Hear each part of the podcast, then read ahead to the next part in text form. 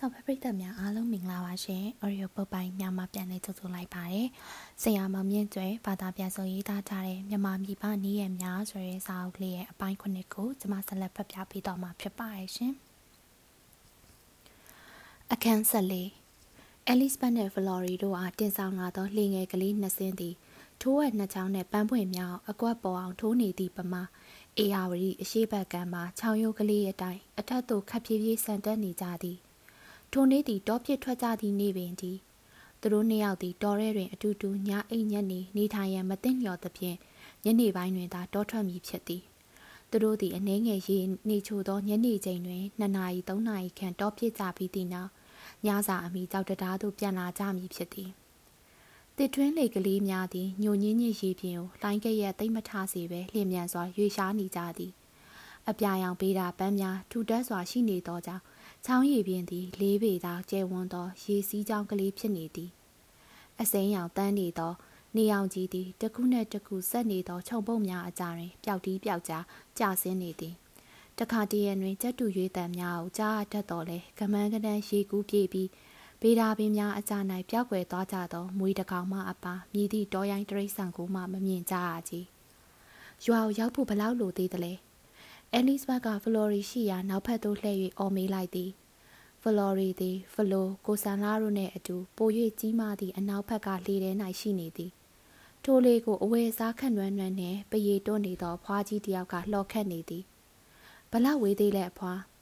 ဖလော်ရီကဖွားကြီးအားမေးလိုက်သည်အဖွားကြီးသည်ပါဇက်ထဲမှဆေးပြင်းလိတ်ကိုချွတ်လိုက်ပြီးသည့်နောက်လှော်တက်ကိုဒူးဘော်တွင်ကန့်လန့်ဖြတ်တင်က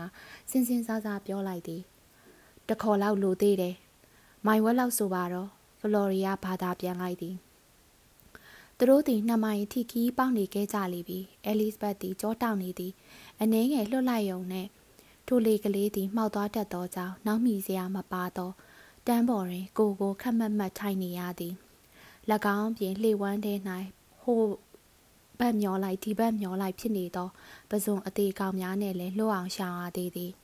အဲလစ်ဘတ်၏လှေကိုလှော်နေသောမြမအမျိုးသားကြီးသည် အသက်60ခန်းရှိတော်လဲလူလက်တယောက်ဤကိုလုံးကိုပေါမျိုးရှိသည်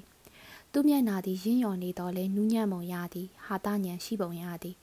သပင်ရှိကိုရောင်တစောင်းထုံထားပြီးသပင်စားတစားနှစ်စားဘားပြင်ပေါ်သို့ကျနေသည်အဲလီဇဘတ်သည်ပေါင်ပေါ်တွင်တင်ထားသောဦးလေးဖြစ်သူ၏တနက်ကိုလက်နှင့်ပုတ်တက်နေသည်ဖလော်ရီယာထိုတနက်ကိုကင်ထားပေးခဲ့မည်ဟုပြောခဲ့တော်လဲသူမကညင်းဆန်ခဲ့သည် တကယ်တော့တနက်ကင်ထားရသည်မှာအရသာရှိလွန်၍သူမကမပေးရက်ခဲ့ခြင်းဖြစ်သည်သူမသည်ယခုတီတနက်မကင်ဘူးခဲ့သေးကြီးသူမသည်အဝတ်ကျန်းနှင့်ချုပ်သောစက္ကန့်နှင့်တရေကျန်းဖနက်တရံကိုစီးထားပြီးယောက်ျားတစ်ယောက်လိုရှက်အင်ကြီးဝတ်ထားသည်မျက်အုပ်ထုပ်ဆောင်းထားသောကြောင့်ထိုဝတ်စားများနှင့်သူမချီကောင်းလိမ့်မည်ဟုသိနေသည်သူမ၏ပါးပြင်ပေါ်မှချွေးများစီးကြနေပြီးကြောတောက်နေသည့်တာမကား ချင်းကောင်ကြီးများကလည်းသူမ၏ခြေချင်းဝစ်တဝိုင်း၌တဝီဝီပြန်ဝဲနေကြသည့်တိုင်သူမသည်အလွန်ပျော်ရွှင်နေသည်ချောင်းကလေးသည်တဖြည်းဖြည်းကျင်းမြောင်းသွားရာပေတာပင်များအစားချောကလက်ကဲ့သို့ညိုနေသောရွှွန့်ချောက်ကဘာမမတ်ဆောက်ဆောက်များကအစားဝင်၍နေရာယူလာကြတော့သည်ခနော်ခနဲ့တက်ကဲတဲကလေးများသည်တိုင်များကိုရေထဲတွင်စိုက်၍တဲကိုရေပြင်ပေါ်ရအောင်ဆောက်ထားကြသည် တဲအိမ်နှလုံးကြားတွင်စော်ကစားနေကြသောကိုလုံးတီးနှင့်ကလေးတစ်ယောက်ကသူတို့ကိုလှမ်းမြင်သဖြင့်အော်ပြောလိုက်ရာကလေးငယ်များသည်ဟိုဟိုတီတီမှပေါ်ထွက်လာကြတော့သည်ရွှွနေတွင်ထမ်းပင်ပင်စီတစ်လုံးကိုချ၍နှစ်ပေးသို့လိမ့်မသွားအောင်တက်ရက်စွာတိန်ထားသည့်လှေစိတ်သို့အရောက်တွင်အဲလီဇဘတ်၏လှေမှအဖိုးကြီးသည်လှေပေါ်မှခုန်ချလိုက်ပြီးသူမကိုကမ်းပေါ်တက်နိုင်အောင်ကူညီလိုက်သည်ကြံလူများကလည်းအိမ်များကြီးစံများနဲ့နောက်ကလိုက်လာကြသည် ဖလိုကဖြစ်နေကြအတိုင်းရွှွန်ထဲသို့လိမ့်ကျသွားပြီးပကုံးထီမြုပ်သွားတော့သည်ကြက်သွေးရောင်ပစိုးကိုဝတ်ဆင်ထားပြီးပါးပြင်ပေါ်ရှိမှဲ့မှာသုံးပေအထိရှိသောအမွေးဖြူကလေးလေးချောင်းပေါက်နေသည့်ပိန်ကက်ကက်အဖိုးကြီးတယောက်သည်လှေစိမ်းမှစူယုံနေကြသောကလေးများ၏ကောင်လက်ဝါးနှင့်ရိုက်ရင်လက်အုပ်ချီ၍ရှေ့သို့တိုးလာသည်ကြေးရွာတကြီးလေဖလိုရီယာပြောလိုက်သည်ခါကုန်းနေသောထိုဖိုးကြီးသည်ရှေ့မှဥဆောင်၍သူ့နေအိမ်စီသို့ရှောက်သွားသည် ထိုဖိုးကြီးသည်အစင်းငယ်အစိုးရဝန်ထမ်းပြီးပြီးအမြဲတမ်းလက်အုပ်ချီနေရသည်သားမကယောဂါကလည်းဖိစီးသောကြောင့်ခါကုန်းနေခြင်းဖြစ်သည်ကလေးတတိုက်ကမျက်နှာပြူများနောက်မှပြေးလွှားလိုက်လာကြရသည့်အပြင်ဟောင်နေသောခွေးများကလည်းပုံများလာရာဖလိုသည်ဖလိုရီခြေထောက်ကြားတွင်နေစရာမရှိအောင်ဖြစ်နေရှာသည်အိမ်ပေါဝတိုင်းမှာကြမ်းတမ်းသောမျက်နှာများအင်္ဂလိပ်မှလှမ်းကြည့်နေသည်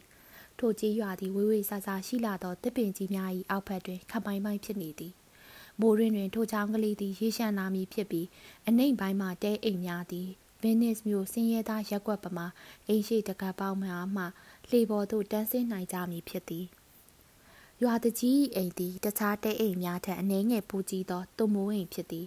မိုးရွာသည့်အခါနားမခံတအောင်စူညံနေလေးရှိတော်လဲတကြီးကအလွန်ဂုံယူလေးရှိသည်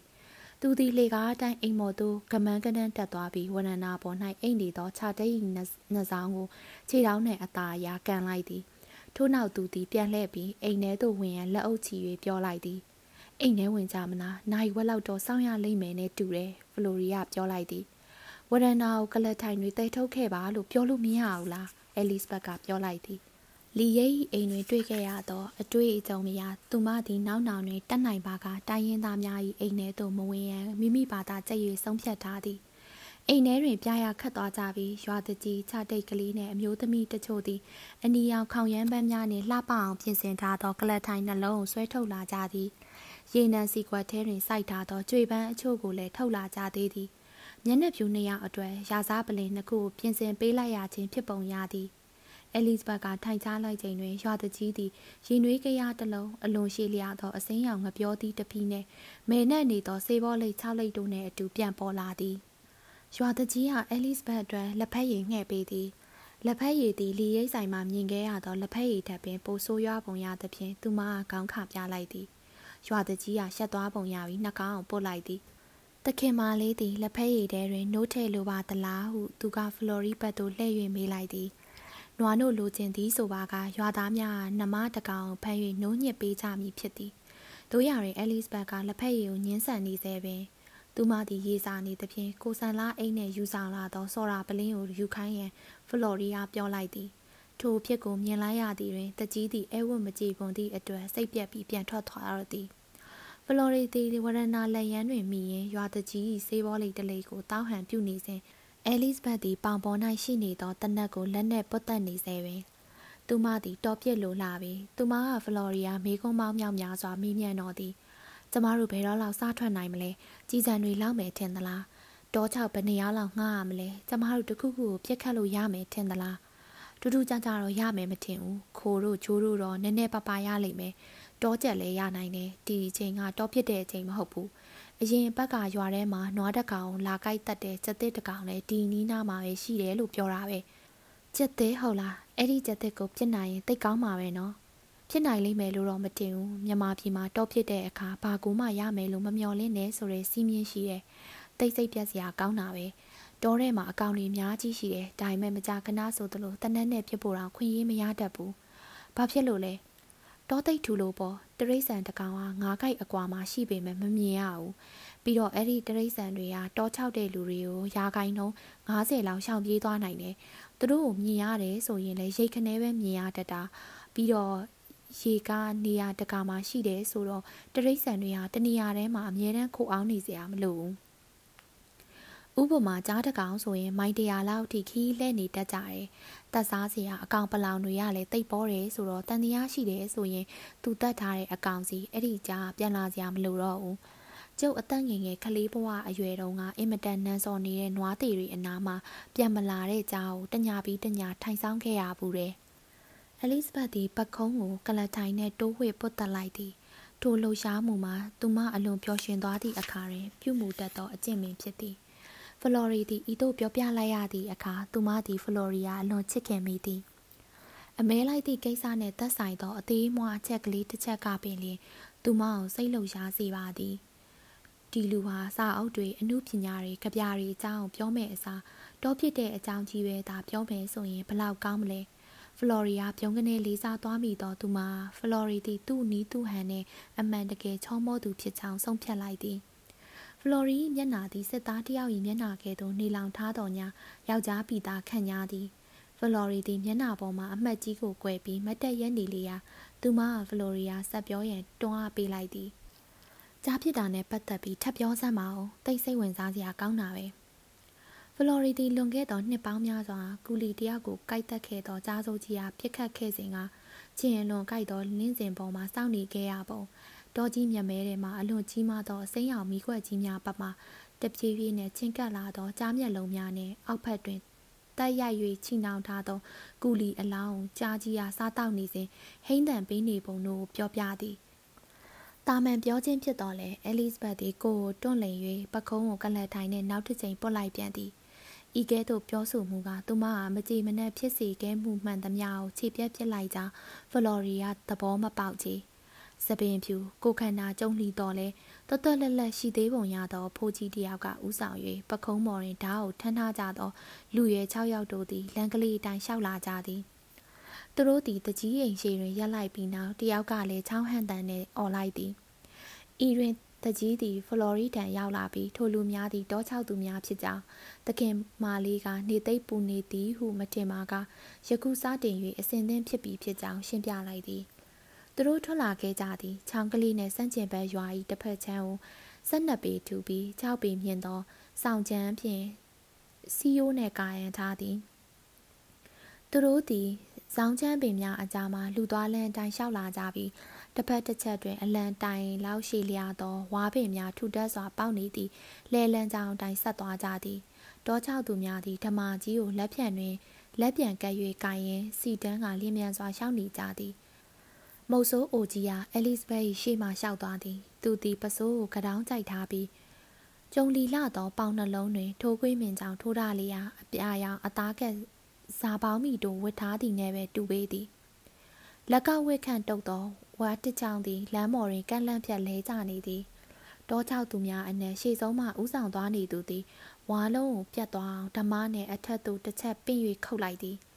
ဝလုံးထဲတွင်ခုတ်အောင်နေသောရေများသည်ဝင်းကနက် လက်သွားကဝလုံးထဲမှအန်ထွက်ကြလာရတော့သည်မိုင်ဝမ်းခတ်သွားမိသွားသောအခါသူတို့သည်ကွင်းမြင့်တစ်ခုစီသို့ရောက်လာကြသည်နေလွန်ပူတီတာမကခက်မြန်မြန်ရှောက်လာခဲ့ကြသောကြောင့်သူတို့အားလုံးချွေးထွက်နေကြသည်ကျုပ်တို့ပြစ်မဲ့နေရဟိုမှာဖလော်ရီယာပြောလိုက်သည်သူတီတေကနေအေကခံကျဲဝန်းသောမြေကွက်များကိုကတင်းရိုးများနှင့်ပိုင်းခြားထားသောလေကွင်းများရှိနေသည့်ကွင်းပြင်ကလေးကိုဖျက်ကျော်၍လက်ညှိုးထိုးပြလိုက်သည် ထိုနေရာတွင်ပြိုင်းဖြူများမှအပါတက်ရှိတတဝါများကင်းမဲ့နေသည်ဟိုဘက်တွင်မူအလွန်ကြီးမားသောတော၏အဆက်ကိုရုတ်တရက်တွေးလိုက်ရသည်ထိုနေရာမှာအစိမ်းရင်အောင်ကြောက်နေရန်ကြီးတစ်ခုနှင့်တူးလာပေသည်တောချောက်သူများသည်ဂိုင်း20ခန့်အကွာတွင်ရှိသောတစ်ပင်တပင်စီသို့သွားကမုတ်ဆိုးကြီးကပလင်းထဲမှဖြူညင်းညစ်အရေးများအောင်မြေကြီးပေါ်သို့လောင်းချနေစဉ်တောချောက်သူတယောက်ကမြေကြီးပေါ်တွင်ဒူးထောက်ပြီးပါဇက်ကတွတ်တွတ်ရွရွတစ်ပင်ကိုရှစ်ခိုးနေသည် ကြံလူများကလည်းဖျားရှိခိုးကြောင်းထဲမှာလူများလိုပြင်းပြင်းရီးရီးနဲ့ငေးကြည့်နေကြသည်အဲ့ဒီလူတွေကဘာလုပ်နေကြရလဲအဲလစ်ဘက်ကမေးလိုက်သည်အရှင်ကြီးကိုပူဇော်ပါတာနေကြလေသူတို့ကတောလိုက်နေတဲ့အချိန်မှာကံကောင်းအောင်ဆူတောင်းနေကြတာမုတ်ဆိုးကြီးပြန်လှည့်လာပြီးသူတို့သည်တောထဲသို့ဝင်မသွားမီညာဘက်ကခြုံပုံများကိုရိုက်ပုတ်၍ခြောက်လန့်ကြမိဖြစ်ကြောင်းအကွယ်ကွယ်လေးတန်နဲ့ရှင်းပြသည်အရှင်ကြီးကထုတ်ပုံစံအတိုင်းလုပ်ရန်အမိန့်ရှိလိုက်ပုံရသည် မုတ်ဆိုးကြီးကဖလော်ရီနဲ့အဲလစ်ဘတ်တို့ရက်နေရမည်နေရာကိုတဦးနဲ့ညွန်ပြလိုက်သည်တော6သူ6ယောက်သည်ခြုံများကြောက်သို့တိုးဝင်သွားကြသည်သူတို့သည်ကိုွေးပတ်ပြီးရိုက်ပုတ်6လန့်၍လေဆက်သို့ပြန်ထွက်လာကြမည်ဖြစ်သည်တောဆက်နှင့်ဂိုက်30ခန့်ဝေးသောနေရာတွင်နှင်းစီပန်းရိုင်းခြုံအချို့ရှိနေလေရာဖလော်ရီနှင့်အဲလစ်ဘတ်တို့သည်ခြုံတစ်ခုနောက်၌နေရာယူလိုက်ကြသည်ကိုဆန်လာမူဖလို၏လေဘက်ကိုကိုင်၍ မအော်အောင်ပုတ်တက်ပြီးခက်လန်းလန်းရှိခြုံတစ်ခုနောက်တွင်စောင့်ညောင်ထိုင်နေသည်ကိုစံလာသည်ဖလော်ရီတစ်ချက်လွဲသွားတိုင်းစိတ်တူစရာကောင်းလာအောင်တောက်ခေါက်တက်တော့ကြောင်းဖလော်ရီကသူ့အားခက်လန်းလန်းစီသို့အမြဲပို့ထားလေးရှိသည်ချက်ချင်းလိုလိုပင်ခက်လန်းလန်းမှတဝုံဝုံရိုက်တန်နဲ့အော်တန်ဟစ်တန်များထွက်ပေါ်လာတော့သည်တောချမှုစားပြီးအဲလစ်ဘတ်သည်ကိုကိုကိုမထိန်နိုင်လောက်တုံလုံးချောက်ချားလာသဖြင့်တနက်ပြားကိုတင်းငြိမ်အောင်မထိန်နိုင်တော့ မိကိုရောင်အတောင်မှန်များနှင့်ကိုလုံးကြက်သွေးရောင်တောင်းနေသောမြေလူးငှက်တဲ့အနေငယ်ပူကြည့်သောငှက်တကောင်သည်တပင်ပေါ်မှသူတို့ရှိရာသို့စိုက်ဆင်းပြန်တန်းလာသည်တောချောက်တံများပို၍နီးလာသည်တောဆက်မှချုံကြီးတစ်ခုသည်ပြင်းပြင်းထန်ထန်လှုပ်ရှားနေသည်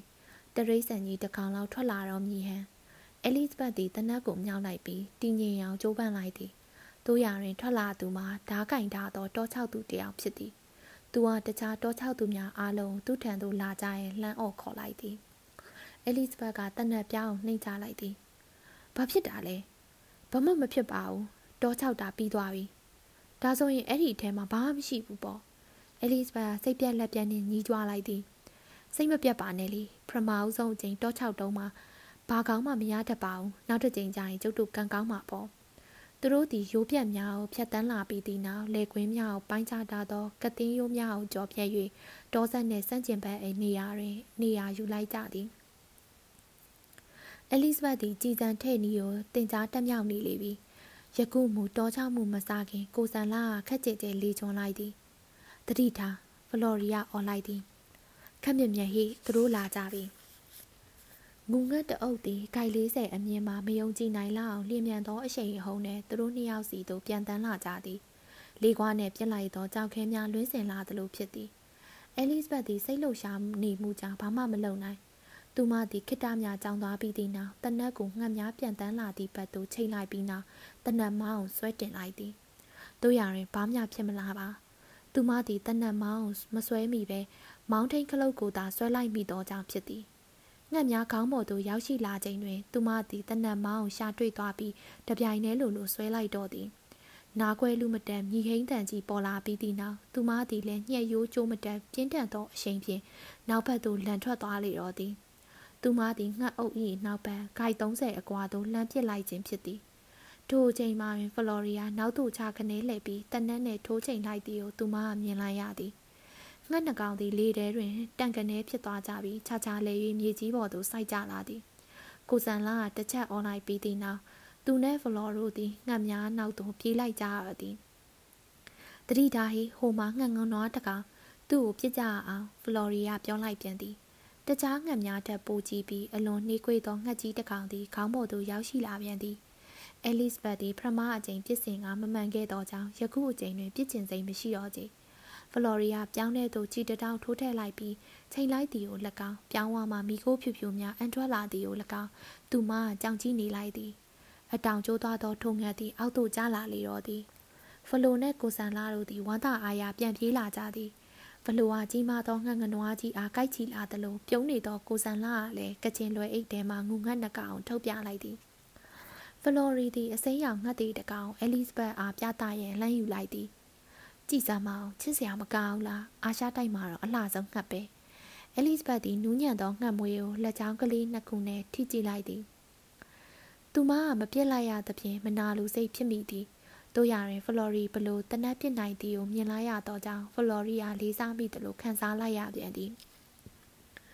ဟောရီရှင်အောင်ပေါ်ကအမွေကလေးတွေကိုကြည်ပါအောင်။ကြောင်းမြက်ရတနာလေးတွေကြားနေရပဲ။သူတို့ကို ပြစ်တာခတ်တာဟာတကယ်ကိုရက်ဆက်တဲ့တပ်ဖြတ်မှုပဲအဲ့ဒီငှက်တကောင်ပြစ်လိုက်တဲ့အခါသူတို့ကဟောဒီမှာကျုပ်ရှိတဲ့ပစ္စည်းအကုန်ပဲခမားပစ္စည်းကိုဘာတကူမှကျုပ်မယူပါဘူးကျုပ်ကိုဘာဖြစ်လို့တတ်တာလဲလို့ပြောချင်တဲ့သဘောမျိုးနဲ့အန်ထုတ်ပြလိရှိတယ်လို့ဗမာရီကပြောလိရှိတယ်ဒါပေမဲ့အဲ့ဒီလိုအန်ပြတာမျိုးတခါမှမတွေ့ရသေးဘူးလို့ချုပ်ကဝန်ခံရမှာပဲသူတို့ကိုစားရတာကောင်းရဲ့လားတိတ်ကောင်းတယ်ဒါပေမဲ့သူတို့ကိုတတ်ရတာရှက်စရာကောင်းတယ်လို့ထင်တော့မယ် ကျမကတော့ရှင့်လိုတိတ်ပြစ်တတ်ချင်တာပဲအဲလစ်ဘတ်ကမနာလိုဟန်နဲ့ပြောလိုက်သည်အဲ့ဒီလိုကျွမ်းကျင်လာအောင်မင်းလည်းမကြခင်တက်မြောက်လာမှာပါမင်းကတနက်ကင်တက်သားပဲတခြားသူတွေတနက်ဖြစ်ခါစားမှာကင်နာတက်တောင်ပူတာနေသေးတယ်ဒိုးတိုင်အောင်နောက်ထပ်နှစ်ချိန်တောချပြီးသည့်အထိအဲလစ်ဘတ်သည်တကောင်းမှပြစ်ခတ်၍မရသေးချေသူမသည်တနက်မောင်းနှစ်ခုစလုံးတစ်ချိန်နဲ့မပြည့်ရန်လေးလာတက်မြောက်သွားပြီဖြစ်တော့လေတနက်နဲ့ချိန်လိုက်တိုင်းစိတ်လှုပ်ရှားမြဲဖြစ်သည် ဖလော်ရီသည်ဂျိုးနှင်းငယ်ကိုထပ်မံပစ်ခတ်၍ရခဲ့လေသည်တောချက်အော်တန်များကိုကြားနေရတော့လေတောချက်များသည်အင်မတန်လျင်သောကြောင့်သူတို့ကိုမတွေ့ရကြယခုသူတို့သည်တောနက်တဲသို့ရောက်နေကြပြီတချို့နေရာများတွင်နေအောင်ကြီးအကွက်ကလေးများဟိုတကွက်တီတကွက်ရှိနေကြသည်အားလွယ်၍အလင်းရောင်သည်အုံမိုင်းနေသည်ဤသည့်အရက်စီတို့ပင်ကြည်ကြည်တစ်ပင်ကြီးများရှုပ်ထွေးလာသောခြုံပုံများနှင့်တစ်ပင်များ၏အောက်ခြေတွင်ရပ်ပတ်နေသောຫນွေပင်ကြီးများကိုသာမြင်တွေ့ရသည်။ တချို့နွယ်ပင်ကြီးများမှာကြီးမားလာသည်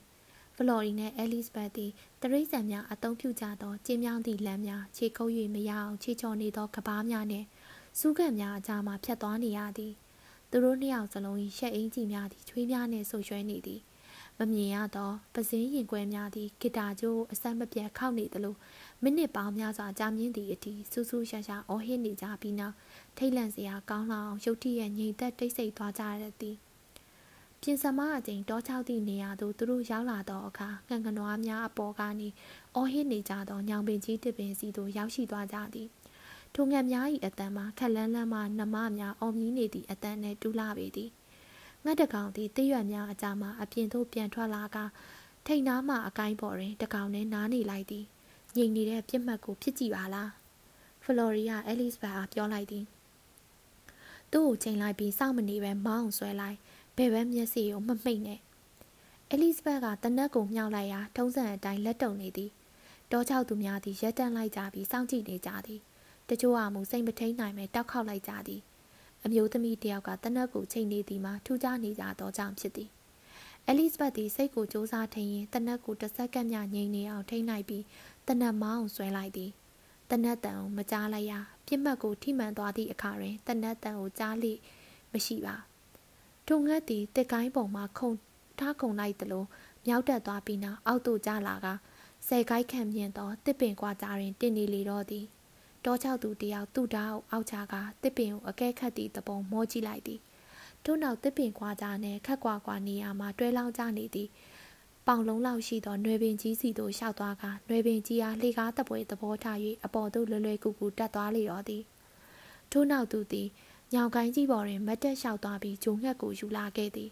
ထိုသူကပျော့ဤပြီးနှွေးတေးတေးကလေးရှိနေသောငှက်ကလေးကိုအဲလစ်ဘတ်၏လက်ထဲသို့ထည့်ပေးလိုက်သည်ထိုငှက်ကလေးကိုကင်ထားရသည်မှာအရာသာရှိလွန်လာသဖြင့်အဲလစ်ဘတ်သည်လက်ကပင်မလွတ်ခြင်းသူမသည်ငှက်ကလေးကိုနမ်းရှုပ်ပြီးသူမ၏ရင်ဘတ်ပေါ်တွင်ဖိကတ်ထားကျင်လာသည်ဖလော်ရီကိုဆန်လာနှင့်တောချောက်သူများသည်ငှက်ကလေးအားတယူတရကင်တွင်နေသောအဲလစ်ဘတ်အားကြည့်ပြီးတယောက်မျက်နှာကိုတယောက်ကြည့်၍ပြုံးလိုက်မိကြသည် အဲလစ်ဘတ်သည်ငှက်သေးကလေးကိုလွယ်ရီထဲသို့ထည့်ရန်ကိုဆန်လာအင်တင်တင်နဲ့လမ်းပေးလိုက်သည်သူမသည်ဖလော်ရီလေပင်ကိုလက်နက်ဖက်နှင့်တိုင်းဖက်ပြီးနမ်းပြစ်လိုက်ခြင်းစိတ်ဖြစ်လာသည်ကိုခံစားလိုက်ရသည်ဂျုံငှက်ကလေးကိုပြစ်လိုက်ရသောကြောင့်ထို့သောသောစိတ်ဓာတ်မျိုးဖြစ်ပေါ်လာရခြင်းပေသည်ငါးချိန်မြောက်တောချောက်ပြီးသွားသောအခါမုတ်ဆိုးကြီးအားဖလော်ရီအားနနက်ပင်များစိုက်ပျိုးထားလိရှိသောရာခင်းကိုဖြတ်၍ဟိုဘက်တောရဲရှိချုံများကိုတောချောက်မိဖြစ်ကြောင်းရှင်းပြလိုက်သည် သူတို့သည်မှောင်မိုက်သောတောကြီးထဲမှလင်းထိန်နေသောနေအောင်ကြီးထဲသို့ထွက်လာခဲ့ကြသည်ထိုရာခင်းမှာတေအေကနေအေကခန့်ကျဲဝန်းသည်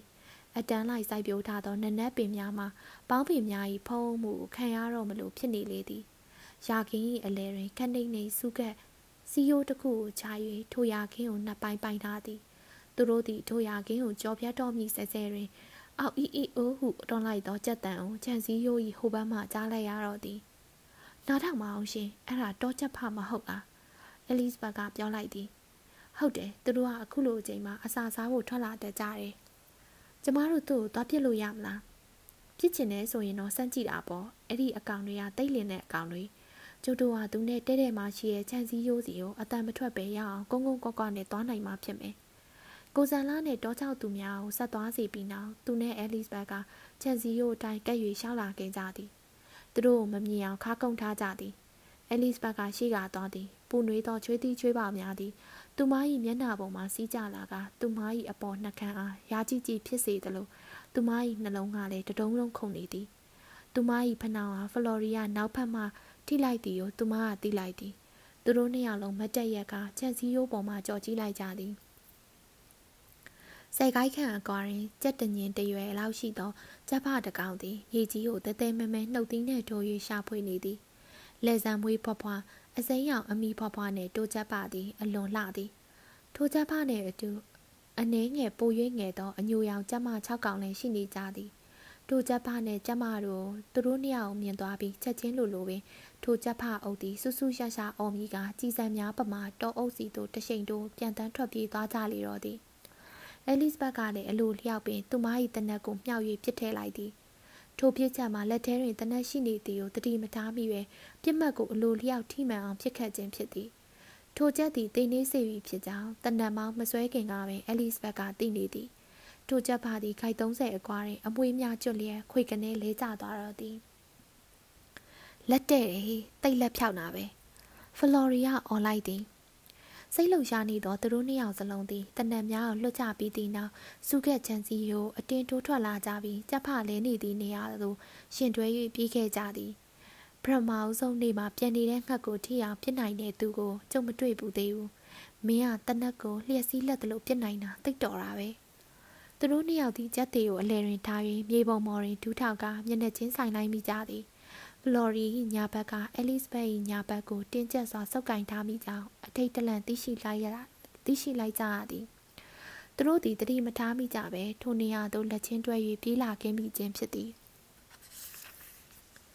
ထူးခြားသောအဖြစ်တစ်ခုဖြစ်ပေါ်လာတော့မည်ကိုသိရှိလာသောကြောင့်နှစ်ယောက်စလုံးငြိမ်သက်သွားကြသည်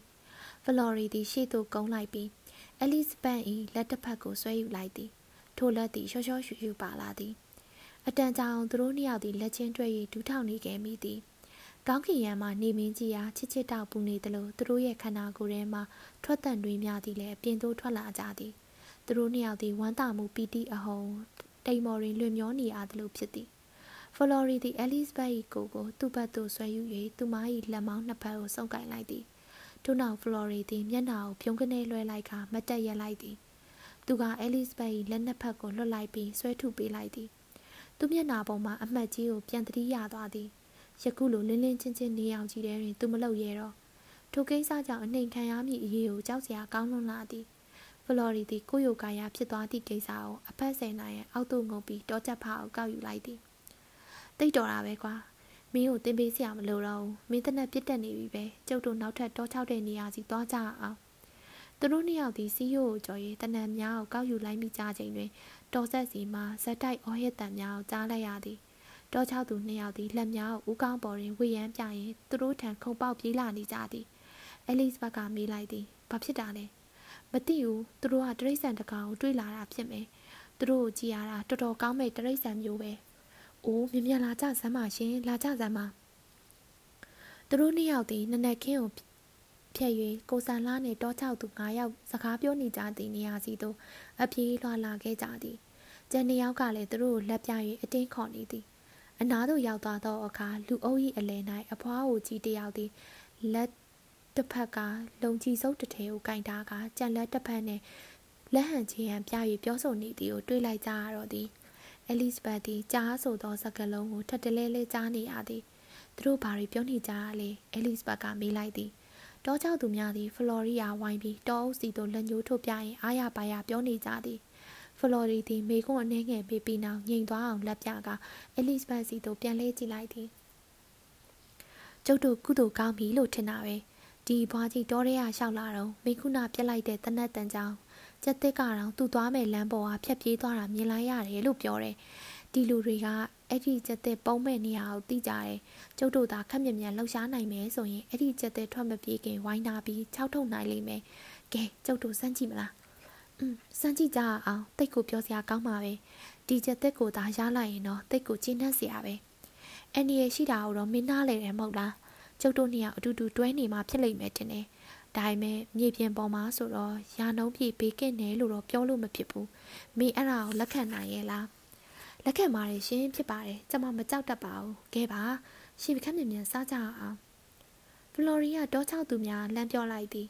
ခမတို့အထက်ကတယောက်ကျုပ်တို့နဲ့လိုက်လာပြီးလမ်းပြပေးရမယ်ကိုဆန်လာဖလိုကျိုးနဲ့ကြည့်ပြီးတီပြင့်လူတွေနဲ့လိုက်သွားသူကျုပ်တို့လက်နဲ့ပါလာရင်တိတ်တိတ်နေမှာမဟုတ်ဘူးခက်မြင်မြန်သွားကြအောင်သူကအဲလစ်ဘတ်အားလှမ်းပြောလိုက်သည်ကိုဆန်လာနှင့်တောချောက်သူတတိုက်သည်တောဆက်အတိုင်းခတ်သွက်သွက်လေးလျှောက်သွားကြသည် သူတို့သည်တောထဲသို့ဝင်ပြီးခက်လန်းလန်းမှနေ၍တောချောက်ကြမည်ဖြစ်သည်ရောင်ပင်ပေါ်သို့တက်၍ဂျုံငှက်ကိုယူပေးသည့်သူကမူတောထဲသို့တန်းဝင်သွားလျာဖလိုရီနှင့်အဲလစ်ဘတ်တို့သည်သူ့နောက်ကလိုက်ခဲ့ကြရတော့သည်တို့လူသည်ပြေးတော့မလောက်ခြေလန်းသွက်သွက်စိတ်စိတ်နဲ့တောလန်အတိုင်းရှောက်ဝင်သွားသည်ခြုံပုတ်များမှထူတက်လွန်လာသည်တခါတရံတွင်တွားသွားလို့နေပါခက်ဖြည်းဖြည်းသာသွားနိုင်ကြသည်လွယ်ပင်ကြီးများကလည်းတောချောက်သူများ ထောင်ချောက်စင်တာသောကျိုးတန်းများပမာလမ်းမော်တွင်ကန့်လန့်ပြက်လျက်ပုံတူတူမြေကြီးသည်ခြေထောက်အောက်တွင်တိတ်ဆိတ်နေသည်တနေရာအရောက်တွင်တောချောက်သူအားရက်တန့်လိုက်သည်ဤနေရာတွင်နေတဲ့ကြောင်မြေကြီးကိုလက်နှင့်ထိုးပြလိုက်သလိုတိတ်တိတ်နေရန်လည်းနှကန်းပေါ်သို့လက်ချောင်းများကိုကန့်လန့်ပြက်တင်၍ပြသလိုက်သည်ဖလော်ရီယာအိတ်ထဲမှ SG ကြည်စံ၄တောင်ထုတ်ယူလိုက်ပြီး Elizabeth ၏တနက်ကိုယူကာတိတ်ဆိတ်စွာကြည်ဖြည့်ပေးလိုက်သည်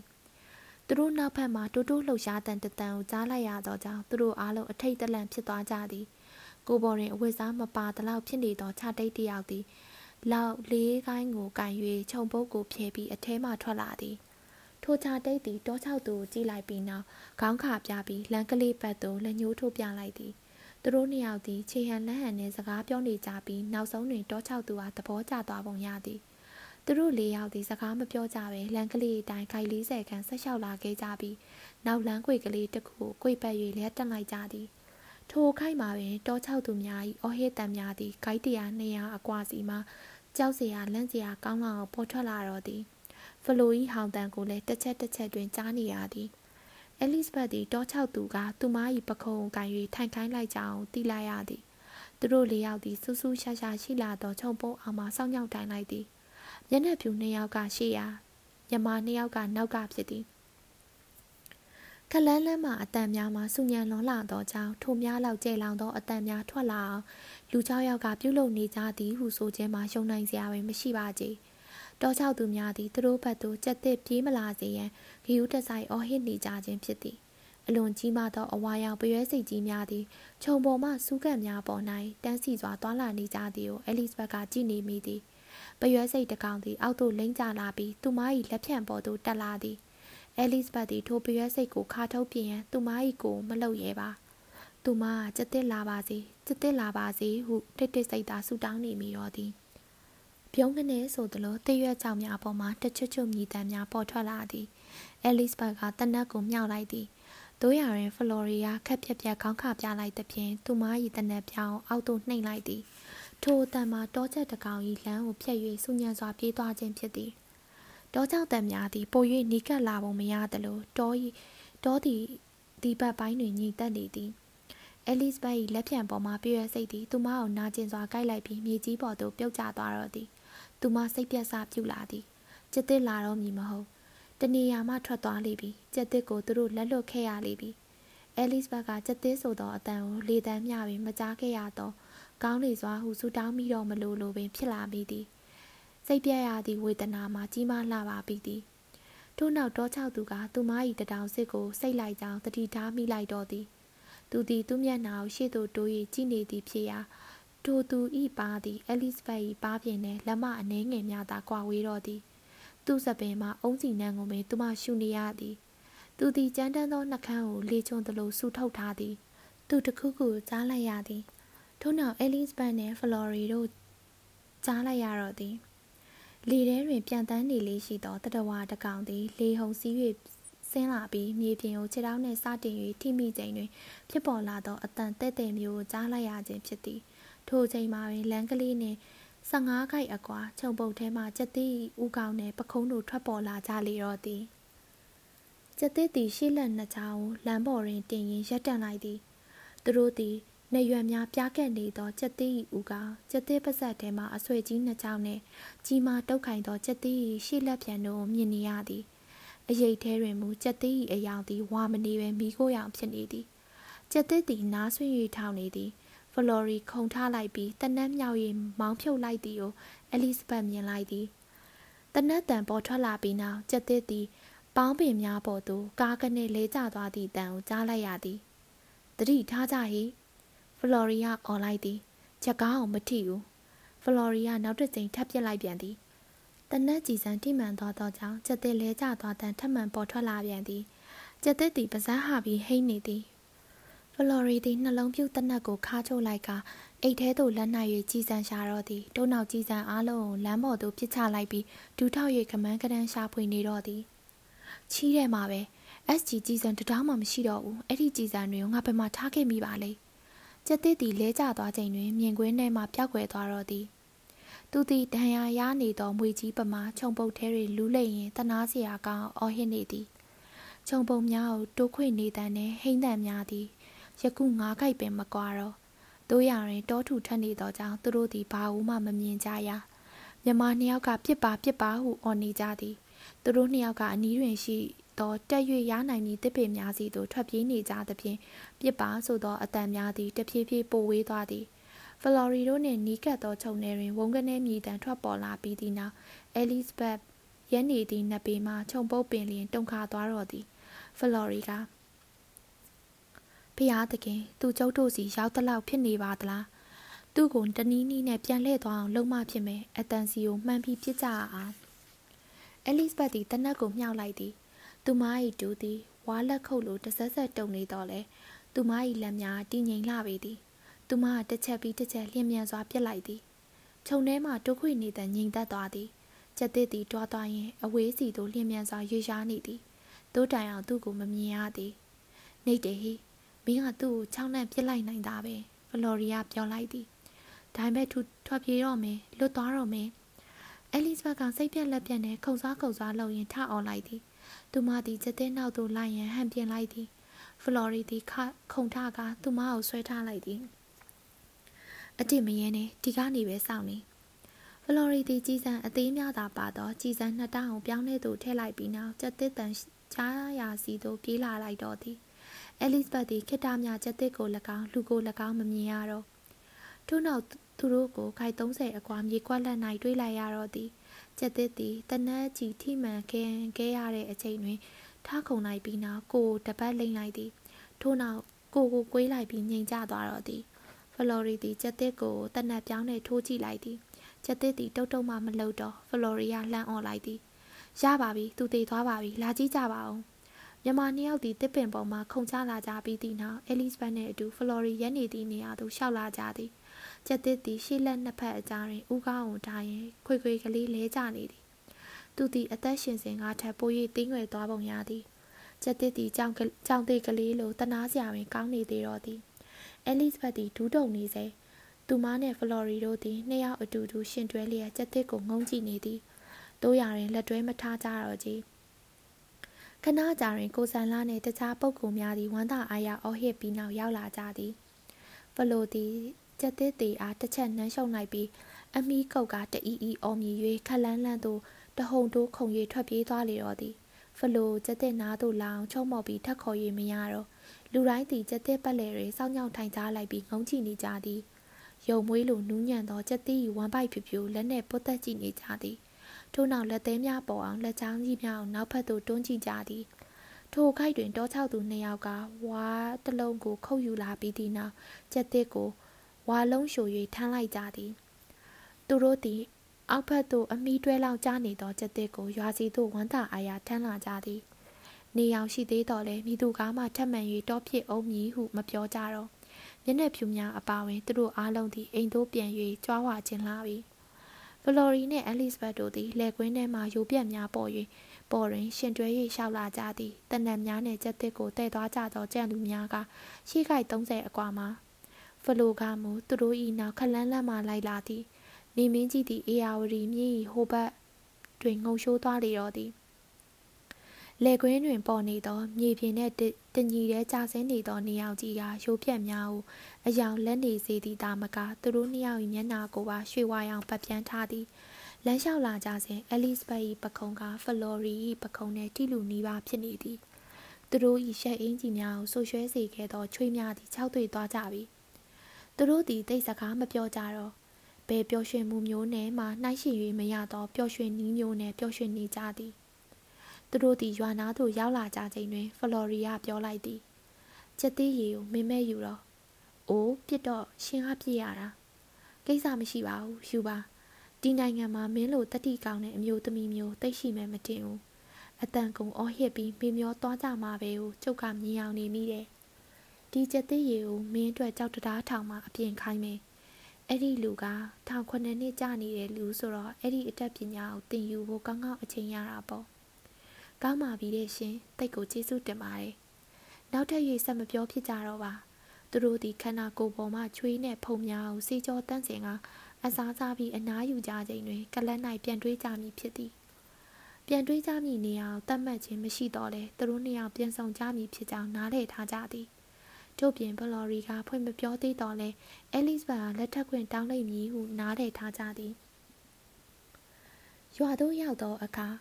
ဖလော်ရီယာတောချောက်သူများအားတယောက်လင်ရှစ်ပဲငါးမှုစီပေးလိုက်ကြသည်သူသည်ကျက်သေးအရေးစုပ်တီကိုကြီးကြက်ပြီးသည့်နောက်ရွာသူကြီးအားဘီယာတပလင်းနဲ့ငငနွားနှစ်ကောင်ပေးလိုက်သည်ကျက်သေးရည်နဲ့ဥကောင်းကိုမူထုတ်ပိုးပြီးလှေတစင်းထဲတွင်ထည့်ထားလိုက်သည် ထိုတရေကိုကိုဆန်လာစောင့်ရှောက်ထားတော့လဲကျက်သေးနှက်ခမ်းမွေးအားလုံးမှာအခိုးခံလိုက်ရသည်ကျေးရွာထဲမှလူငယ်တချို့သည်ကြက်သေး၏အသေးနှင့်ကလေးစားများကိုချက်ပြုတ်စားပါကကြက်သစ်လိုပဲအားအင်ပြည့်ဖြိုးပြီးလျင်မြန်ဖြက်လက်လာမည်ဟုယူဆသောကြောင့်ကြားအသေးကောင်ကိုယူဆောင်သွားကြလေတော့သည်အခန်း15ဖလော်ရီကလတ်သို့ရောက်လာသောအခါလက်ကစတင်းအိမ်သားများသည်ထူးခြားစွာတုံတုံမုံမုံဖြစ်နေကြကြောင်းတွေ့လိုက်ရသည် မစ္စတာလက်ကစတင်းသည်ထုံးစံအတိုင်းလေရက်ပန်ကားအောက်ရှိအကောင်းဆုံးနေရာတွင်ထိုင်နေပြီးမြန်မာနိုင်ငံအရာရှိများစီးရင်ကိုဖတ်ရှုလေ့လာနေသည်သူမသည်ကလတ်သို့ရောက်လျင်ရောက်ခြင်းသူမ၏ဆန္ဒကိုဆန့်ကျင်၍ဝီစကီတစ်ပတ်မှာယူလိုက်သောခင်မွန်းဖြစ်သူနှင့်မကြည်မသာဖြစ်နေသည်အဲလစ်ဘတ်ကစာဖတ်ခန်းထဲတွင်ဘလက်ဟုမဂဇင်းအဟောင်းတအုပ်ကိုတယောက်တည်းလှန်လောကြည့်ရှုနေသည်အဲလစ်ဘတ်သည်ဖလော်ရီနှင့်ခွဲခွာလာခဲ့ရချိန်တိုင်းစိတ်ပြက်စရာကိစ္စတစ်ခုကိုတွေးကြုံခဲ့ရသည် သူမရေချိုးခန်းထဲမှထွက်လာပြီးနောက်ညနေစာအတွက်အဝယ်စားလဲလှယ်ပပြီးသေးခင်သူမ၏ဦးလေးသည်ထိုနေ့ကတောဖြစ်သည့်ကိစ္စကိုထပ်မံကြားချင်သေးဟန်ဖြင့်သူမ၏အခန်းထဲသို့ရုတ်တရက်ဝင်လာပြီးသူမ၏ခြေထောက်တို့ကိုမြည်သည့်အခြားကိစ္စနဲ့မှမှားယွင်းစရာမရှိသောပုံစံမျိုးနှင့်စိတ်ဆွဲလိုက်သည်အဲလစ်ဘတ်အကြီးကျယ်တုန်လှုပ်သွားသည် တချို့ယောက်ျားများသည်မိမိတို့၏တူမများကိုပင်ချစ်တီးနီးနောရန်ကြံစီတက်ကြသည်ဆိုသောအချက်ကိုသူမသည်ပထမဦးဆုံးကိုတွေ့ကြုံလိုက်ရခြင်းပင်ဖြစ်သည်ကျုပ်တို့သည်အသက်ရှင်နေသည်၍အတွေ့အကြုံများကိုရတတ်ကြသည်မစ္စတာလက်ကာစတင်သည်ထိုကိစ္စကိုရည်စရာသဘောမျိုးနဲ့ပြုလုပ်ခဲ့ခြင်းဖြစ်တော်လဲသူသည်အလွန်ကျူအရက်မူးနေသည့်အစဉ်သို့ရောက်လူနီးဖြစ်နေသောကြောင့်မအောင်မြင်ခဲ့ခြင်းဖြစ်သည်မစ္စလက်ကာစတင်သည်လည်းထိုအချိန်ကထိုကိစ္စကိုမကြားနိုင်သည့်နေရာသို့ရောက်နေသောကြောင့်ကံကောင်းသွားခြင်းဖြစ်သည် သို့မဟုတ်ပါကအလွန်ဆိုးရွားသောရံပွဲကြီးတစ်ခုဖြစ်လာနိုင်ပေသည်ထို့နောက်ပိုင်းညစာထမင်းစားပွဲမှာတက်တောင့်တက်တာမရှိလာသောထမင်းစားပွဲသာဖြစ်တော်သည်မစ္စတာလက်ကာစတင်သည်တုံ့မှုန်နေသည်ချီးမှာပဲသူကထိုကလေးမကိုကြွေးမွေးထားရတာမဟုတ်ပါလားတော်တော်ရှက်ဖို့ကောင်းသည်တို့ရရင်အဲလစ်ဘတ်အဖို့မူအခြေအနေကဆိုးလာသည်သူမတွင်ပဲနီတပြားပင်မရှိတော့ဦးလေး၏နေမှလွယ်၍နေစရာတခြားအိမ်မင်းမရှိ သူမသည်ဤအိမ်တွင်နေထိုင်ရန်မိုင်၈တောင်ခီကိုလာခဲ့ရသည်ထို့နောက်လာဝက်ခန့်အကြာတွင်ဦးလေး၏နေအိမ်၌ဆက်လက်၍နေရန်မဖြစ်နိုင်တော့သည်ဆိုပါကအလွန်ဆိုးရွားပေလိမ့်မည်ထိုကိစ္စများနှင့်ဆက်ဆက်၍သူမ၏စိတ်ထဲတွင်ပို၍သေးကြသွားသောအချက်တစ်ချက်ရှိသည်ထိုကိစ္စမှာဖလော်ရီယာသူမကလက်ထပ်ခွင့်တောင်းခံလာပါကလက်ထပ်ခွင့်တောင်းလိုက်မည်ဆိုသောကိစ္စကလည်းတန်တရားဖြစ်เสียမလိုပါကြီးဟုတ်ကဲ့ဟုပြန်ပြေးလိုက်ရန်ပင်ဖြစ်တော်သည် တခြားအချိန်အခါမျိုးတွင်ဆိုပါကသူမသည်ကွဲလွဲစွာဆုံးဖြတ်ကောင်းဆုံးဖြတ်လိမ့်မည်ယနေ့ညနေတွင်မူစိတ်လှုပ်ရှားပွဲစွန်စားခန်းကြောင့်သူမသည်ဖလော်ရီယာချစ်ခင်လူနီးပါဖြစ်ခဲ့ရသည်တို့ရရင်သူမ၏တန်တရားနှင့်မတင်မကျစိတ်များသည်ပြန်၍ဖြစ်လာပွဲရှိသည်ဖလော်ရီနှင့်ပတ်သက်၍မတင်မကျဖြစ်เสียအများပြားရှိသည်ဖလော်ရီအသက်အရွယ်သူ့အမှန်စိတ်ရှုပ်စရာကောင်းအောင်ပညာရှိခိုက်ဖမ်း၍စကားပြောတတ်မှုစသည်တို့ပင်သည်သူမအဖို့ဖလော်ရီယာ သဘောမကျသောနေ့များတွင်ရှိခဲ့ပူသည်တို့ရရင်ရှကူသူမဦးလေးအပြုမူအားချိန်ခွင်ရှာကိုတစ်ဖက်သို့စောင်းနေစေခဲ့သည်။ဘာပဲဖြစ်ဖြစ်သူမသည်ဦးလေး၏နေမှထွက်ခွာရတော့မည်ခက်မြန်မြန်ထွက်ခွာမှဖြစ်မည်။ဖလော်ရီကာကသာသူမအားလက်ထပ်ခွင့်တောင်းခံလာမည်ဆိုပါကသူမအဖို့ဖလော်ရီနှင့်လက်ထပ်ရန်သာရှိပါတော့သည်။စာ ဖတ်ခန်းထဲသို့ဝင်လာသောဖလော်ရီသည်အဲလစ်ဘတ်၏အဖြစ်ကိုသူမ၏မျက်နှာပေါ်၌မြင်တွေ့လိုက်ရသည်။သူမ၏အမူအရာသည်ရခင်ကားထက်ပို၍နူးညံ့ပျော့ပြောင်းနေသည်။သူမသည်သူနှင့်စားတွေ့သောနေရာဝစ်ခဲ့သောခါဝင်ကိုဝင်ဝတ်ထားသည်ဖြစ်ရာသူမြင်နေဘူးသောခါဝင်ကိုမြင်လိုက်ရမှုကိုသူကတအားတက်စေခဲ့သည်ဖလော်ရီသည်အဲလစ်ဘတ်ဖတ်နေသောမဂဇင်းကိုကောက်ကင်လိုက်ပြီးနောက်တူမချနာစကားများကိုသာပြောဆိုနေမိသည်သူတို့သည်စကားပြောဆိုနေရင်တကားဝစီသို့တဖြည်းဖြည်းလျှောက်လာကအပြင်သို့ရောက်နေကြသည် ယခုသူတို့သည်တက်နစ်ကစားခွင့်ပေးရှိတရုတ်စကားပင်ကြီးအောက်သို့ရောက်လာကြသည်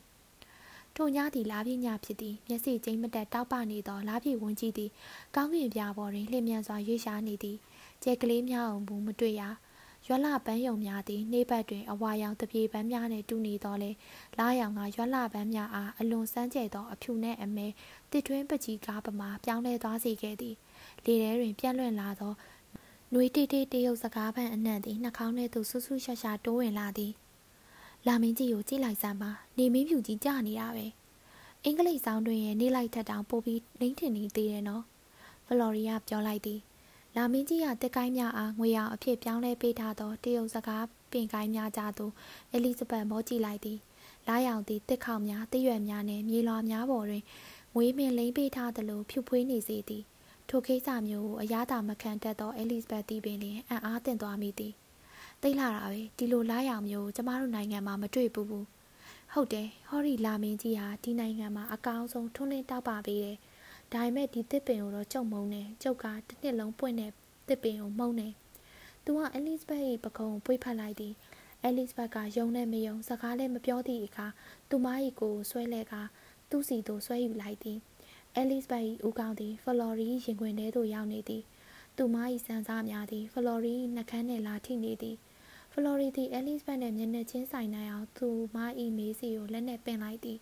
သူမသည်မျက်မှန်တက်မထားချေမင်းစိတ်မစိုးဘူးနော်မစိုးပါဘူးကျုပ်ဆိုလိုတာကကျုပ်ရဲ့ဒီဟာကြီးကိုစိတ်ပပြတ်ဘူးလားဖလော်ရီသည်အမှတ်ကြီးကိုပြနိုင်ရန်ဦးကောင်းကိုအနှဲငယ်ခါရမ်းလိုက်သည်သူသည်ထိုမေးခွန်းကိုကြိုမမေးပဲအဲလစ်ဘက်ကိုမနှမ်းခြင်း ဟင်စိတ်မပြတ်ပါဘူးထိုခဏတွင်သူတို့၏နှကမ်းများသည်ဆုံတွေ့သွားကြတော့သည်အဝယ်ဖုံးမထားသောအဲလစ်ဘက်၏လက်များကသူ၏လက်ပင်ကိုတိုက်ဖက်ထားသည်သူတို့နှစ်ယောက်သည်ချောမွနေသောတရုတ်စကားပင်ကြီးပင်စီကိုမိ၍ခဏကြာအောင်ကိုလုံးချင်းပတ်ဆက်ချင်းတိကက်နေကြသည်စူးရှာရှာတရုတ်စကားပန်းအနံသည်အဲလစ်ဘက်၏စပင်မှအနံနှင့်ရောထွေးသွားတော့သည်မိဟာကို့အတွက်ဘလို့အတိပယ်ရှိရဲဆိုတာစူးစမ်းပြီးရှင်းပြဖို့မလိုဘူး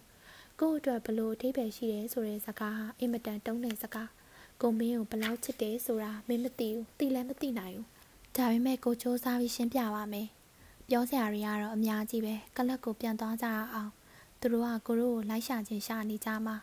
ကိုတို့ဝရဏမော်မှာစကားပြောနိုင်ကြတာပဲကျမစပင်းတွေဖို့ရပါရဖြစ်ကုန်ပြီလားအဲလစ်ဘက်ကပြောလိုက်သည်လှပါတယ်ဒါပေမဲ့ဖို့ရပါရဖြစ်မကုန်ဘူးလားတသက်ရရဖြစ်အောင်လုပ်ပေးပါဦး အဲလစ်ဘက်ကသူ့ဘက်သို့ခေါင်းငုံပေးလိုက်ရာဖလော်ရီကသူမ၏စပင်းများလက်နဲ့ပုတ်တက်ပေးလိုက်သည်သူမကသူ့ထံသို့ခေါင်းထုတ်ပေးလိုက်ခြင်းသည်သူမကနမ်းလိုက်ရသည့်ထက်ပို၍ရင်းရင်းနှီးနှီးရှိလာသည်ဟုသူခံစားလိုက်ရသည်သူသည်အဲလစ်ဘက်၏ခင်မွန်လောင်းဖြစ်သည့်ပမာရင်းနှီးသွားသည်ကိုခံစားလိုက်ရသည်အဲလစ်ဘက်ကိုလက်ထပ်လိုက်ခြင်းဖြင့်သူ့ဘဝကိုပြန်၍အဖက်ဆယ်ရပေတော်မည်မကြမီသူမကိုလက်ထပ်ဖို့ပြောတော်မည် ဖလော်ရီသည်သူမ၏ပခုံးဖတ်ထားရင်းကပင်ရောလပန်းယုံများအကြာမှဖြတ်၍ကလပ်စီသို့ရှောက်လာခဲ့သည်ကိုတို့ဝရဏနာမော်မှာစကားပြောနိုင်ကြတာပဲဖလော်ရီယာထပ်ပြောလိုက်ပြန်သည်ဘာပဲပြောပြောကိုနဲ့မင်းစကားမပြောရသေးဘူးကိုမင်းကိုစကားပြောကျင်သေးတယ်ဒီလိုဆိုတော့မင်းကိုညီးငွေသွားမလားမသိဘူးသူမကညီးငွေသည်ဆိုသည့်စကားကိုကန့်ကွက်လိုက်သည်ဟုတ်ပါတယ်လေညီးငွေစရာကောင်းတယ်ဆိုတာကိုသိပါတယ်ကျုပ်တို့လို အင်္ဂလိုအိန္ဒိယန်တွေကိုညီးငွေစရာကောင်းတဲ့လူတွေလို့သတ်မှတ်ကြတယ်တကယ်တော့လေကျုပ်တို့ဟာညီးငွေစရာလူတွေပါဒါပေမဲ့မတက်နိုင်ဘူးလေဘယ်လိုပြောရမလဲကိုယ့်ရင်ထဲမှာနှက်ဆိုးဟာပျော်ပျော်ဟဲလို့တိုက်တွန်းနေတယ်လို့ပဲကိုတို့ဟာတခြားသူတွေကိုသိစေခြင်းပေမဲ့ဘယ်တော့မှပြောပြပြမှာမဟုတ်တဲ့အမှတ်တရဖြစ်ရတွေကိုရှင်ထဲမှာထွေးပိုက်ထားကြတဲ့လူတွေပါဒါကတော့ဒီနိုင်ငံမှာနေကြရတဲ့အတွက်ရရှိတဲ့ဆုလက်တွေပဲပေါ့ သူတို့ရောက်နေသောဝရဏပေါ်မှနေရသည့်တကားပေါက်နှင့်တန်းနေသဖြင့်သူတို့သည်အတော်တန်အနှောက်ယှက်ကင်းသည်အဲလစ်ဘတ်သည်ချိန်စပွဲကလေးပေါ်တွင်လက်တင်၍ထိုင်ကြလိုက်သည်အိတ်ထဲလက်၌ထားသောဖလော်ရီသည်ဝရဏပေါ်တွင်ခောက်တုတ်ခောက်ပြန်လမ်းလျှောက်နေလေရာသူသည်အရှိဘက်ဝဒနာတစက်မိတ်အောင်မှကြာစင်းဝင်ရောက်လာသောလားရောင်ထဲသို့ရောက်လိုက်မှောင်ရိပ်ထဲသို့ရောက်လိုက်ဖြစ်နေသည်ကိုမင်းကိုချစ်တယ်လို့ခုလေးရင်ပြောခဲ့ပြီးပြီး လူတွေကအချစ်ဆိုတဲ့ဝေါ်ဟာရာကိုအတိတ်ပဲမရှိတော့အောင်သုံးဆွဲနေကြတယ်ဒါပေမဲ့မင်းကိုတော့ရှင်းပြခွင့်ပေးပါဒီညနေခင်းမင်းနဲ့ကိုတောလိုက်ထွက်ကြတော့ဟာကိုဘဝမှာခွဲဝေခံစားပေးနိုင်မဲ့သူကိုနဲ့အတူလက်တွဲနိုင်မဲ့ဘဝကျင်မောကိုရှာတွေးပြီလို့ကိုတွေးခဲ့မိတယ်သူ့ကိုလက်ထပ်ပါဟုဖွင့်ဟပြောဆိုရန်သူရည်ရွယ်ထားသည်နောက်ထပ်အချိန်ဆိုင်မနေခြင်းတော့တို့ရရင်ထိုစကားများအောင်မပြောပြထိုစကားများအစားသူ့เจ้าကိုသာထက်တလဲလဲပြောနေမိသည် ထိုစကားများအောင်မပြောမိအောင်သူ့ကိုယ်သူထိန်းချုပ်နိုင်စွမ်းမရှိခဲ့ပါဤနိုင်ငံတွင်နေရသည့်သူ့ဘဝကိုအဲလစ်ဘတ်နားလည်လာစေဖို့အလွန်အရေးကြီးပါသည် သူမကုစားပေးမင်းညီငွေမှု၏သဘောတဘာဝကိုသူမအနေနဲ့ရှင်းလင်းစွာနားလည်သဘောပေါက်ရန်အထူးလိုအပ်ပါသည်တို့ရာတွင်ထိုကိစ္စကိုနားလည်အောင်ရှင်းပြရမှလည်းအလွန်ခဲရင်လာသည်အဲလစ်ဘတ်သည်လာရအောင်သို့ရောက်လာလိုက်ပြန်ထွက်သွားလိုက်ဖြစ်နေသောဖလော်ရီကိုစောင့်ကြည့်နေသည် သူမ၏နှလုံးသားသည် အနမ်းခံရမှုကြောင့် တုန်ခါနေစေတို့တိုင်အောင် သူမ၏အတွေးများသည် ဖလော်ရီစကားပြောနေစဉ် ဟိုဟိုတီတီတို့ ပြန်လွှင့်နေကြသည် ဖလော်ရီယာတို့လက်ထပ်ပါဟု ပြောမည်လော သူကနှိကွင်းလွန်းလာသည် အထီးကျန်နိုင်လွန်းလာသည့်ကိစ္စကို သူပြောဆိုနေကြောင်း သူမ၏စိတ်ထဲတွင်ဝရဝါဒ သိလိုက်ရသည် ဟုတ်ပေတာပေါ့ သူတို့နှစ်ယောက် လက်ထက်သည့်အခါ တော်ရဲ၌သူမတယောက်တည်း နေရမည်ကိစ္စကို ပြောပြနေခြင်းလည်း ဖြစ်ပေသည် သူစိတ်ပူစရာမလိုပါတခါတည်းရင်တောရဲနိုင်အထီးကျန်နိုင်တယ်လို့ခံစားရပေလိမ့်မည်ရုပ်ရှင်ရုံမရှိကားစရာခုံစရာနေရာမရှိ စကားပြောရမယ့်သူလည်းမရှိညနေခင်းတွင်စာဖတ်ရန်ကလွယ်၍ဘာမှလုပ်စရာမရှိပြင်းဖို့တော့ကောင်းမည်တိုးတိုင်အောင်တက်ဆက်တော့ရှိပါလိမ့်မည်မြန်မာနိုင်ငံသို့ခီးဆောင်ရေဒီယိုအသစ်ကလေးများရောက်ရှိလာခဲ့သည်ဆိုတော့ဘလောက်ကောင်းလိုက်မလဲအဲလစ်ဘတ်ကထိုကိစ္စကိုပြောတော့မိစဲစဲတွင်ဖလော်ရီယာထပ်ပြောလိုက်ပြန်သည် ကိုပြောတာကိုမင်းရှင်းရှင်းလင်းလင်းနားတယ်မဟုတ်လားကိုတို့ဒီမှာနေရတဲ့ဘဝကိုမင်းကတစုံတစသိရပြီမဟုတ်လားတိုင်းတပါတစ်ပင်တွေတိုင်းတပါပန်းပွင့်တွေတိုင်းတပါရှုမြော်ကင်းတွေလူမျိုးကွဲတွေရဲ့မျက်နာတွေဒါတွေအားလုံးဟာတခြားချိုပေါ်မှာရောက်နေတယ်လို့ပဲဒါပေမဲ့မင်းနဲ့အတူခွဲဝေခံစားမဲ့ပုံကိုတယောက်သာရှိနေမယ်ဆိုရင်တခြားချိုပေါ်မှာနေရတဲ့လောက်စိုးမှာမဟုတ်ပါဘူးစိတ်ဝင်စားစရာကောင်းလာလိမ့်မယ်ဆိုတာမင်းတဘောပေါက်လာပြီမဟုတ်လား မင်းမြင်တယ်လို့မြင်တတ်မဲ့လူတယောက်ရှိခဲ့ရင်လေဒီနိုင်ငံအကိုတယောက်တည်းနေနေရတဲ့ငရဲလိုပဲကိုတို့လိုမျက်နှာဖြူတွေအများစုအတွက်အဲ့ဒီလိုပါပဲဒါပေမဲ့အဖို့သားရှိရင်တော့ဒုက္ခရိပ်မြုံကလေးဖြစ်လာနိုင်ပါတယ်အခုပြောတာတွေအားလုံးဟာအတိတ်ပဲကင်းမဲ့နေသလားသူတီချိန်စပွဲနှစ်ပေးတွင်ရပ်တန့်လိုက်ပြီးနောက်အဲလစ်ဘတ်၏လက်ကိုဆွဲယူလိုက်သည်ကပ်ဖြောင်းမြောင်အမောင်တူတွင်သူသည်အဲလစ်ဘတ်၏မျက်နှာကိုပန်းတပွင့်ပမာခဝါဝသာမြင်ရသည် တို့ရတွင်သူမ၏လက်ကိုကင်လိုက်ရခြင်းဖြင့်သူမသည်ဖလော်ရီပြောသည့်စကားများကိုတလုံးတပါသားများပင်နားလေသဘောပေါက်ခြင်းမရှိကြောင်းသူသိရရသည်သူမကမြေကဲသို့တီးနိုင်ပါမည်နီသူသည်အဲလစ်ဘတ်၏ကြံလက်တစ်ဖက်ကိုဆွဲယူလိုက်ကသူမအားညှင်သာစွာဆွဲထုတ်လိုက်သည်ကိုရောက်တဲ့ရရာတွေပြောနေမိတဲ့အတွက်ကိုကိုခွင့်လွတ်ပါပြောစရာမလိုပါဘူးရှင်ဖလော်ရီယာသူမကနန်းတော်မြည်ဟုမျှော်နေရင်အဲလစ်ဘတ်ကမပွင့်တပွင့်ပြောလိုက်သည် ပြောရမယ်လေကိုကပေါက်တက်ခရတွေရှောက်ပြောနေရပဲပြီးတော့လေကို့အကြောင်းတွေကိုကြည်သာပြောပြနေတာမသိရောပါဘူးဒါပေမဲ့ကိုကတခုခုပြောဖို့အစာပြိုးနေတာပါကိုတကယ်ပြောချင်တဲ့စကားကမင်းကိုအဲလစ်ဘတ်ကလပ်ထဲမှနေ၍ဆူဆူရှာရှာအော်ဟဲလိုက်တော့မစ်လက်ကာစတင်၏အတန်ပင်ဖြစ်သည်အဲလစ်ဘတ်မင်းဘက်မှာလေအဲလစ်ဘတ်မစ်လက်ကာစတင်သည်ကလပ်၏ရှေ့တကားနား၌နေပုံရသည် သူမဝရဏာသို့ချက်ချင်းရောက်လာပြီးတော့မြည်ဖလော်ရီကအဲလစ်ဘတ်အားသူ့စီသို့ဆွဲယူလိုက်ပြီးသူတို့နှစ်ဦးကြပြားကြရနမ်းလိုက်ကြသည်သူကသူမ၏လက်ကိုအသာကင်ထားပြီးပြန်လှုပ်ပေးလိုက်သည်အချိန်တော့ရပါသေးတယ်ကို့အဖြေပေးစမ်းပါမင်းကိုတို့တွင်သူစကားကိုရှေ့ဆက်၍ပြောရမရတော့ထိုခိုက်မှာပင်သူတို့၏ခြေထောက်အောက်မှအလွန်ထူးခြားသောကိစ္စတစ်ခုဖြစ်ပေါ်လာသည်ကျမ်းမြင်သည်ရုတ်တရက်မြင့်တက်လာပြီးပင်လယ်သမုဒ္ဒရာကဲ့သို့ရွေရှားနေသည် သူသည်ရိုင်တီးရိုင်တိုးဖြစ်လာပြီးနောက်မိုက်ခနဲဖြစ်ပြီးကျမ်းမြင်ပေါ်သို့လဲကျသွားတော့သည်သူသည်လဲနေရင်ကပင်အလွန်ကြီးမားသောတရိษံကြီးတစ်ကောင်ကအဆောက်အုံတစ်ခုလုံးဟာအောက်မှနေ၍ခါရမ်းပစ်လိုက်သလိုသူသည်ကျမ်းမြင်ပေါ်၌ခက်ပြင်းပြင်းထန်ထန်ရှေ့တိုးနောက်ငင်လိမ့်နေကြောင်းတွေ့လိုက်ရသည်တုံလုံးနေသောကျမ်းမြင်သည်ရုတ်တရက်ပြင်းငိမ်သွားသည်မိုးဝေသွားတော့လဲအန်တဲမရဒဏ်ရာမရသောဖလော်ရီယာထထိုင်လိုက်သည် အဲလစ်ဘတ်သည်သူ့ဘေး၌လဲနေပြီးကလပ်ထဲမှဆူဆူရွရွအော်ရဲတံများထွက်ပေါ်လာသည်ကိုသူ့ဝိုးတို့ဝါယာတတိထားလိုက်မိသည်ဂေဝအပြင်ဘက်တွင်မြန်မာလူမျိုးနှစ်ယောက်သည်စပင်ဖို့ရုပ်ဖိုင်ရနှင့်ပြေးထွက်ရင်းငလျင်လောက်တယ်ဟေးငလျင်လောက်တယ်ဟုအတန်ကုန်အော်ဟစ်နေကြသည်ဖလော်ရီသည်သူတို့အားခက်ကြောင်ကြောင်နဲ့ငေးကြည့်နေမိသည်ငလျင်ဆိုတာဘာတူလဲငါဆိုသည်မှာလူဆိုးများအတွက်သတ်မှတ်ထားသောအခေါ်အဝေါ်ဖြစ်သည်ငလျင်သည်ဓမြလားသူကအဘယ်ကြောင့်လှုပ်နေရသနည်း ထို့နောက်ငလျင်ဆိုသည်မှာမြေကြီးအောက်၌မြုပ်နေသည်ဟုမြန်မာများကယူဆထားသောဘလူးကြီးတကောင်ဖြစ်ကြောင်းသူတတိယလိုက်သည်မြေငလျင်လှုပ်ခြင်းပါတကားငလျင်လှုပ်တယ်ဟိသူကရေရွတ်လိုက်ပြီးတဲ့နောက်အဲလစ်ဘတ်ကိုတတိယလာသဖြင့်ပွဲတူရန်တိုးသွားတော့သည်တို့ရရင်အန်ဒီယယ်မရသောအဲလစ်ဘတ်သည်နောက်စိတ်ကိုလက်နဲ့ပွန်ရင်ထထိုင်နေလေသည် အဲ့ဒါငလျင်လောက်တာလားသူမကတအော်တအောလေတန်းနဲ့ပြောလိုက်သည်မစ္စတာလက်ကစင်းသည်ဝရဏာ၏တောင်ဆုံးမှကြွေပတ်၍နေရန်ကိုမိတွေ့ထရင်ရှင်မျောမျောအိမ်မြောင်တကောင်ပမာထွက်ပေါ်လာသည်သူမကသွေးယူသေးတန်ရှောက်အော်နေလိုက်သည်ငလျင်လှုပ်တာဆိုပါလားကြောက်စရာကောင်းလိုက်တာကွယ်ငါနှလုံးယောဂါနဲ့တော့ဒုက္ခပါပဲဖလော်ရီနဲ့အဲလစ်ဘတ်တို့သည်ခက်ပြေးပြေးထားထိုင်လိုက်ကြသည်သူတို့အားလုံးကလပ်အတွင်းသို့ဝင်သွားကြသည်သူတို့သည်လှုပ်နေသောလှေ လှေပေါ်မှကမ်းပေါ်သို့တက်လာရသူများပပခြေဘဝမှရာကြီးကြီးဖြစ်နေသည်ဘတ်တလာအဖိုးကြီးသည်ငလျင်လှုပ်တဲ့သခင်ငလျင်လှုပ်တယ်ဟုဘလုံးတလွေပြောရင်အစီကံတန်းများစီမှကမန်းကဒန်းလာနေသည်ချုပ်ကရားတတိုင်းသူ့နောက်မှလိုက်ပါလာသည်ဟေးဘတ်တလာတောက်စရာတခုခုယူခဲ့စမ်းငါတို့တခုခုတောက်မှဖြစ်မယ်မစ်လကာစတင်သည်ကလထိုင်တလုံးပေါ်သို့တတိထား၍ထိုင်ချရင်ပြောလိုက်သည် သူတို့အားလုံးရမကာတစ်မျိုးမျိုးတောက်သုံးကြသည်ရှက်ပြုံးပြုံးနေသောပတလာကြီးသည်လင်မန်းကိုကန်၍စပွဲဘေးတွင်ခြေတကြောင်လဲထောက်၍မတက်ရနေသည်တိတ်ကိုကြီးမားတဲ့ငလျင်မဲတခင်သူကအားရပါရထက်တလဲလဲပြောနေသည်သူသည်စကားပြောရင်အလွန်ဆရာထက်သန်နေသည်ထို့အတူလူတိုင်းကလည်းစကားပြောကျင်နေကြသည်ဒူးတုံစရာပြောက်ွယ်သွားသည်နှင့်တပြိုင်နက်အလွန်ထူးခြားသောပြောစရာတစ်ခုကိုရလိုက်သည်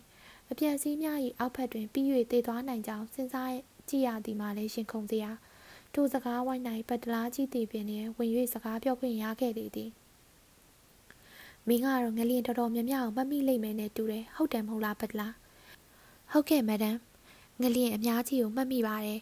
1889 1899 1906 1912အများကြီးကျွန်တော်မှတ်မိပါတယ်မဒမ်1912ခုနှစ်မှာလှုပ်တဲ့ငလျင်ကတော်တော်ကြီးတာပဲ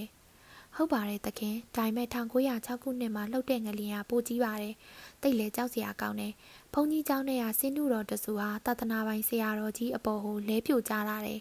မြမလူမျိုးတွေကတော့စံရည်စဘာပျက်စီးမယ်ယောဂထူပြောလိမ့်မယ်လို့နမိတ်ဖတ်ကြတယ်ကျွန်တော်ချုပ်ကြရဘဝတုန်းက1888ခုနှစ်မှာလှုပ်တဲ့ငလျင်ကိုကျွန်တော်မှတ်မိပါသေးတယ်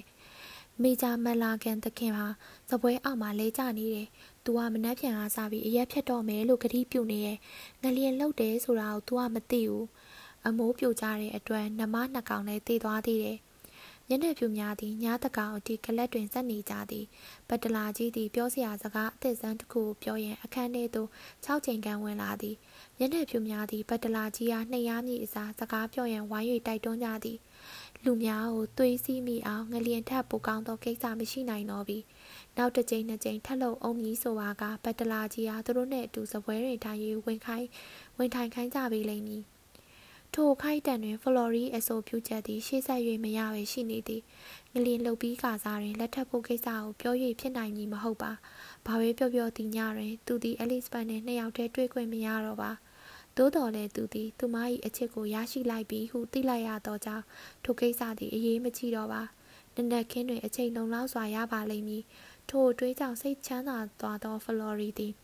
နေ့ပိုင်းကမလှုပ်ချင်လောက်အောင်ပင်ပန်းလာခဲ့သည့်အလျောက်နှစ်နှစ်ချိုက်ချိုက်အိပ်ပျော်သွားလေတော့သည်